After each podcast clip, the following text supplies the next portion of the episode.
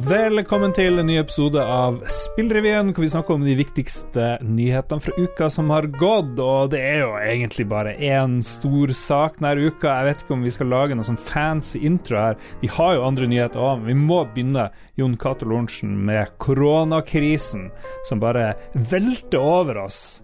Det dominerer jo alle nyheter nå, så det føles nesten litt banalt å sitte her Ja. i 20 minutter og skal snakke om spill.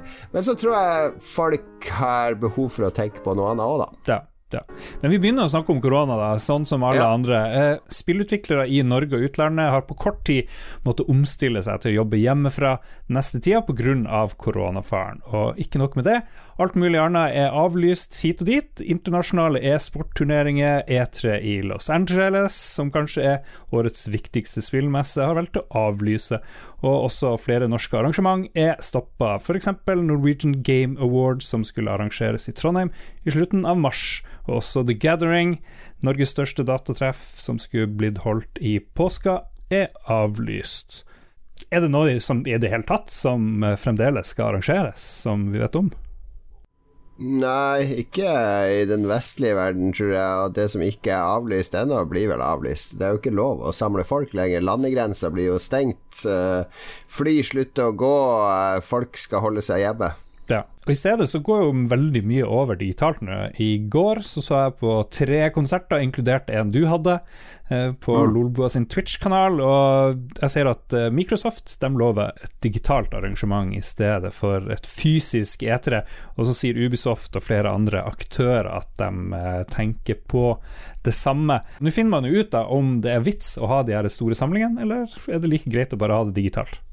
Det er jo ikke til å stikke under en stol at mange har hatt tilfeldige møter på E3 eller GDC kanskje spesielt, der de har blitt kjent med andre som de har endt opp med å jobbe med. Eh, selskaper som driver med lokalisering eller porting eller QA eller, eller ja, publishere.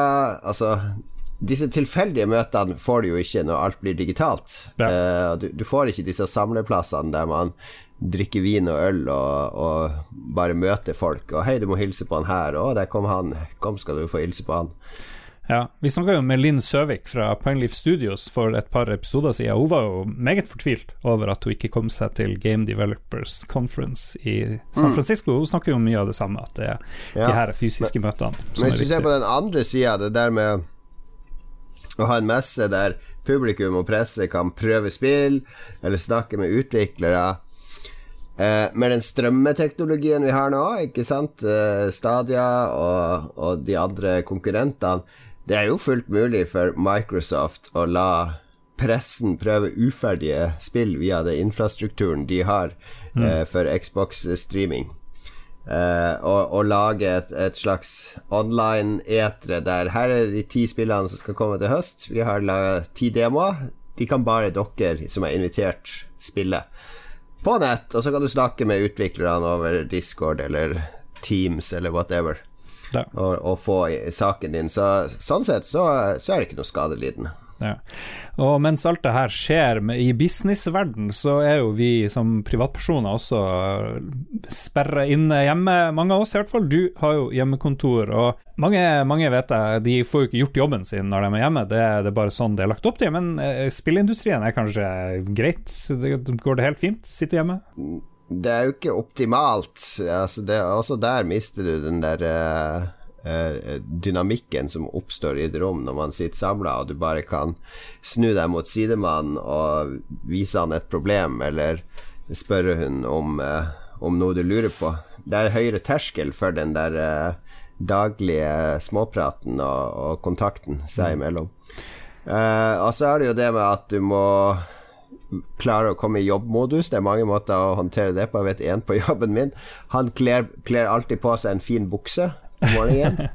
Så det lurt. altså Når han er ferdig å jobbe, så tar han av seg den fine buksa og på seg joggebukse. Fordi da Det, det skiller jobbmodus og, og avslapningsmodus. Så eh, det er noen sånne småtriks, men ja, vi regner med at produktiviteten går litt ned. Det er vanskelig å være like produktiv hjemme hvis du ikke har et dedikert område for å jobbe hjemme, men du må sitte i stua eller der du bruker å spille Sea of Thieves om kveldene eller noe sånne ting. Det, ja, Flytt, flytt ut. Men det går bedre enn frisører, f.eks., som plutselig ikke får lov å holde åpent, fordi da mm. driver man og sprer uh, sykdom. Men så, ja, har du jo, så har du det med at vi er, vi er som gamere. vi blir holdt hjemme. Kanskje er vi veldig godt rusta for å være isolert uh, i stua i en måneds tid, hvis nå det forhåpentligvis ikke blir mer enn det. Vi er, det virker sånn hjemme hos meg, i hvert fall, for min kone er jo veldig sosial. Og hun er veldig avhengig av det daglige sosiale på jobben. En sosial interaksjon med mennesker. Og det å gå bare hjemme for henne er mye mer slitsomt. Men der merker jeg forskjell, for at jeg eh, selv om jeg foretrekker også å sitte hjemme mye, så er jeg jo sosial med deg over nett. Jeg spiller uh, ulike spill med venner jeg har fra barndommen og ungdomstida osv. Så, videre. så jeg har jo nesten daglig kontakt med nettverket mitt, selv om vi ikke møtes fysisk.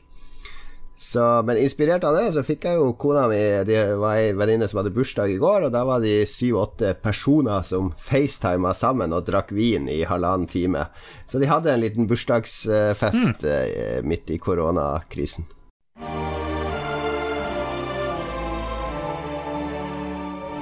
Horizon Zero Dawn kommer til PC. I uka som gikk, ble det klart at Guerrilla Games-spillet, ett av de bedre fra Sony i 2017, ikke lenger blir eksklusivt på PlayStation. Og blir det mer vanlig nå å slippe de her konsolleksklusive spillene til PC? Vi ser jo at uh, eh, f.eks. Death Stranding, Hideo Kojima-spillet fra i fjor, stor suksess, kommer også til PC ganske fort. Ja, det blir kanskje mer vanlig. Altså, det, er, uh, det er jo ikke stor forskjell. Både PlayStation 4 og Xbox One er jo stort sett uh, eh, PC-er mm. inn i en boks og, og med et konsollnavn på. Det er jo ikke så vanskelig teknisk å porte ting til PC lenger som det var når PlayStation 2 og 3 og, og sånne ting holdt på. Nei. Men det er jo uvanlig, da, fordi vi, vi, er vant til det fra Microsoft, som jo er en sånn PC, et PC-selskap, så der er ingen er sjokkert over at et Xbox-spill, eksklusivt Xbox-spill, også kommer til PC. Men folk er ikke vant til det med ting fra Sony, og i hvert fall ikke fra Nintendo. Nei, Nintendo er det jo veldig De, de har jo ikke kasta seg på den bølgen. Men samtidig så er det et veldig, veldig stort uh, marked der, uh, som har blitt veldig mye større pga. Kina og emerging markets rundt om i verden der det er mange nye PC-spillere som har kommet til. For det pleide å være sånn at PC-spillere var en litt sånn eksklusiv klubb som brukte 20 000 annethvert år på å oppgradere maskinen sin og holde den toppspekka. Og nå kjører de aller, aller fleste PC-spill kjører egentlig ganske greit, selv om du ikke har den nyeste maskinvaren. Mm. Eh, og eh, konsollene er litt sånn utdaterte akkurat nå, før den nye generasjonen kommer. Og, og, veldig mange har muligheten til å spille på PC, mange flere enn før, og distribusjonen er der. Så hvis du har et spill som har gjort det veldig bra på din plattform, så kan du jo Det er veldig dumt å ikke tjene masse ekstra penger mm. hvis det ikke er altfor kostbart å lansere det til PC. Ja. Du tenker ikke at noen tenker at ok, nå kommer det spillene til PC uansett, da driter jeg i å kjøpe PlayStation? Kan jeg like godt kjøpe en PC. Jo, det er jo faren, men som vi har snakka om før, så er både Microsoft og Sony har vel i, i bakhodet at en eller annen gang, så, eller i nær fremtid, så er ikke PlayStation og Xbox eh, hardware, men det er tjenester. Og det er tjenestene De skal eksistere Altså, Xbox er jo på PC. Du ja. må jo åpne Xbox appen for å spille Microsoft sine PC-spill. Og, det samme må Sony òg ha tenkt på. Hvis de ikke har tenkt på det, så kommer de til å bli akterutseilt. Uh, Nintendo kan holde på på den måten de gjør, fordi de, de, de lager en egen nisje i markedet. Men for Sony så De må nok tenke på om det er mer å tjene på å komme seg inn i PC-markedet som en aktør, enn å insistere på å sitte på utsida. Det er jo ikke alle som helt uh, har forståelse for de argumentene du kommer med. Jeg siterer et uh, tilfelle her. Why the fuck do you release your games on platforms that compete with PlayStation? But whatever, thank you for saving me money. Now I'm skipping PS5 and getting your games via torrent. Det er flere nettsider som har lagd saker på at ja, Jeg vet ikke om du har spurt mammaen og pappaen til han eh, tolvåringen der om du fikk lov å sitere han i spillrevyen. Ja, det er jo noen som blir veldig sint når konsolleksklusive titler kommer til PC, og så er det mange nettsider som lager sider, saker om det her, da. Og der har du et lite problem, vet jeg. Det er noen sånne Twitter-troll som reagerer på alt. Og så gjør nettsida dem en bjørnetjeneste ved å klippe ut bilder av tweeten deres og putte det opp som at gamere raser mot ditt eller raser mot datt. Og så kan de si, si til vennene sine Ha-ha, se her, jeg klarte det. Jeg sa noe som var skikkelig drøyt og dumt, og nå, nå har de sitert meg. Så det er jo Jeg skjønner ikke Du som er seriøs eh, journalist. Jeg skjønner ikke hvordan man kan holde på sånn og bare ta anonyme ting fra folk man ikke vet noe om, eller hvilken agenda det ligger bak, eller hva som helst, og bare putte det eh, inn i nyhetsartikler. Jeg syns det virker Jeg, jeg misliker sånne saker sterkt, fordi A. Det er ingen person som du har ringt til som raser mot dette. Det er bare noe du har plukka opp på nettet som hvem som helst kan ha skrevet. Og B Skap gjerne en offentlig debatt, men da må den være skapt av og med personer som vil stå frem offentlig. Ja, jeg kan tenke meg to grunner til at man lager sånne saker. Det ene er jo at konflikt er veldig salgbart uh, i pressen. Ja, men her vet du jo ikke om det er en konflikt, eller om det bare er noen som er ute etter oppmerksomhet. Eller om det er Sony sjøl som har laga disse Twitter-kontoene for å få mer presse.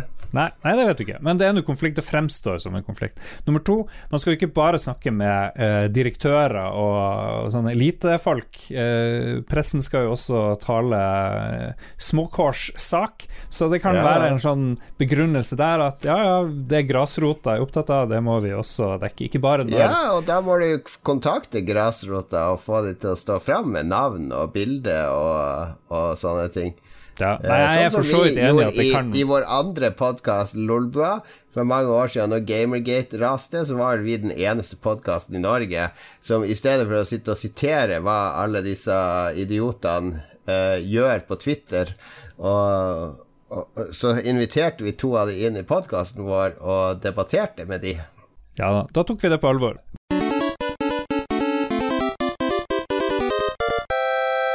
Nintendo viste denne uka en video med legobrikker i Mario-tema. Det er ikke snakk om tradisjonell Lego, men et fysisk spill der man skal flytte en avansert elektronisk Mario-legofigur gjennom en løype man bygger. Mario-figuren har innebygde skjermer og kan spille av lyd. Og jeg vet jo, at du er jo Mr. Brettspill himself. Hva er det som, som fenger her? Nei, Det som fenger, er jo at det er Nintendo som tenker ikke bare ut av boksen, de tenker så langt ut av boksen at du kan ikke se boksen lenger med sine produkter. Eh, jeg har jo bygd Jeg og ungene har jo bygd alt av Nintendo Labo som kom. Det ble ikke den helt store suksessen eh, for Nintendo salgsmessig, men kreativt og opplevelsesmessig så er det ja. kjempegøy. Men, og det kan vi jo si hvis vi har noen lyttere som sitter koronafast hjemme med, med, barn i isolasjon. Bestill noen Nintendo Labo. Det går kjempebillig i nettbutikker å få det hjem. Det er kjempeartig å drive på med, med mm. ungene og kreativt. Ja. Lego er jo veldig sånn Har vært litt sånn kjip på dataspill connections før. det tok jo veldig veldig mange år før det ble en sånn Lego Minecraft-greie. Uh, de, de, så på Minecraft som en trussel i mange år.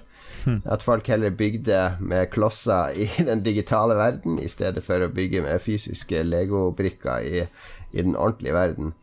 Og Så kom det en crossover der, og de gjorde det jo relativt bra. Så jeg syns det er kjempegøy at de samarbeider med Nintendo, fordi jeg føler at i hvert fall føler jeg at Lego og Nintendo har litt sånn samme verdier. Altså Det er litt sånn frilek og kreativitet og, og på barns premisser. Det virker Det er ikke den vanlige Lego. Vi har egentlig ikke forklart hva det er. Og vi har ikke helt skjønt det sjøl heller. Det virker som du bygger en slags bane som Mario. Du har en stor Mario-figur med skjerm på magen og på øynene og kan spille lyder og musikk og sånne ting, og han skal bevege seg rundt, og så responderer han på ulike brikker. Så det er tydeligvis elektriske komponenter, elektroniske komponenter i ulike brikker, og så kan du bygge, bygge baner til Mario, som da blir et slags spill. Ser ut som et slags fysisk Mario Party. Misk Games kjøper tilbake rettighetene for Fishing in Barents Sea-spillene. Det norske selskapet fortalte 11.3 at de har kjøpt tilbake rettighetene til spillet fra selskapet Astragon. Og I et sitat til Pressfire så sier Gjøran Myrland at det nå blir større mulighet for inntjening, full kontroll over salgskanalene, og at de nå kan se hva som fungerer på en bedre måte enn før. Og det her er jo litt spennende for en som er CEO i et norsk spillselskap. Jeg vet ikke om dere først og fremst har dere solgt rettighetene deres eh, til noen andre? Eier dere Nei, vi eier alle rettigheter ja. på alt vi har laga. Hvorfor vil et selskap selge rettighetene til sitt spill? Hvis du trenger penger til å lage noe, og du er fattig og har en god idé og en prototype, og noen skal investere mange millioner i å få det ferdig, så vil de ofte kreve at de skal eie rettighetene. Ok, Så du mener det her er en god idé, det de gjør nå?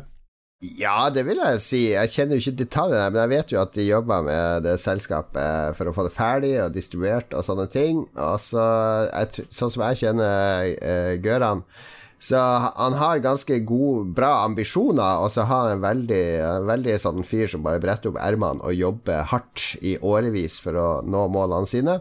Så jeg tror nok han har tenkt uh, nøye gjennom det her. Ja. For å finne mer ut om det her, så tok vi en prat med Gjøran i Misk Games. Ja, dere har jo fått med dere at vi har eh, kjøpt tilbake uh, Fishing North Atlantic, som er vårt nye spill som vi jobber med. Vi fikk jo da drahjelp fra Amplifier Game Invest, som som har hjulpet oss i den prosessen. Vi uh, gikk vel egentlig litt sånn forsiktig frem med å spørre eh, vår tidligere utgiver hva de ville ha for å selge ut rettighetene til den tittelen. Um, og det var egentlig når vi fikk den summen fra dem at vi begynte å tenke litt internt og litt eksternt, og hvordan vi kunne gjøre det her på en, på en så god måte som mulig. Vi hadde jo håp på å kunne også få kjøpt tilbake Fishing Barency, men den prisen ble jo altfor høy, så vi lot være. Vi får jo uansett tilbake rettighetene til Fishing Barency i 2022, sånn, sånn at uh, vi, vi, kommer nok til å gjøre noe stunt i forbindelse med når vi får den, uh, den tittelen tilbake i våre hender. Vi har lagt mye mer vekt på uh, hummer, fiskemekanikk, harpunering av tunfisk og sverdfisk. Vi har forbedra masse av eh, mekanikkene i spillet. Vi har 13 nye båter, vi har ny lisenspartner. Først så er det jo PC-versjonen som kommer nå i august. Og så begynner vi jo da portingen av spillet til PlayStation 4 og Xbox One. Vi har òg planer om å være Forhåpentligvis blant de første titlene på PlayStation 5 og Xbox Scarlett. Men vi venter litt tilbakemelding fra Sony og Microsoft når vi kan uh, få, uh, tilgang på de, de nye konsollene. Så ser ut til å bli enda en stund til. Hvis vi får ut spillet sånn som vi håper nå i august, med alle de nye tingene som fanbasen vår har spurt etter, så kan det se lovende ut eh, fremover, både med tanke på utvidelse og samt et, et, nytt prosjekt som vi begynner med mot slutten av året, som blir da multiplayer. Men uh, der er det enda masse som må på plass før vi, før jeg kan begynne å snakke om den tittelen. Jeg tipper at de har funnet ut at det å dra rundt på store områder er populært, fordi da det gamle spillet var 32 ganger 32 km stort, så er det nye 200 ganger 300 km stort. Så mm. jeg vet ikke hva det blir i norske forhold, men det har vært gøy å måle.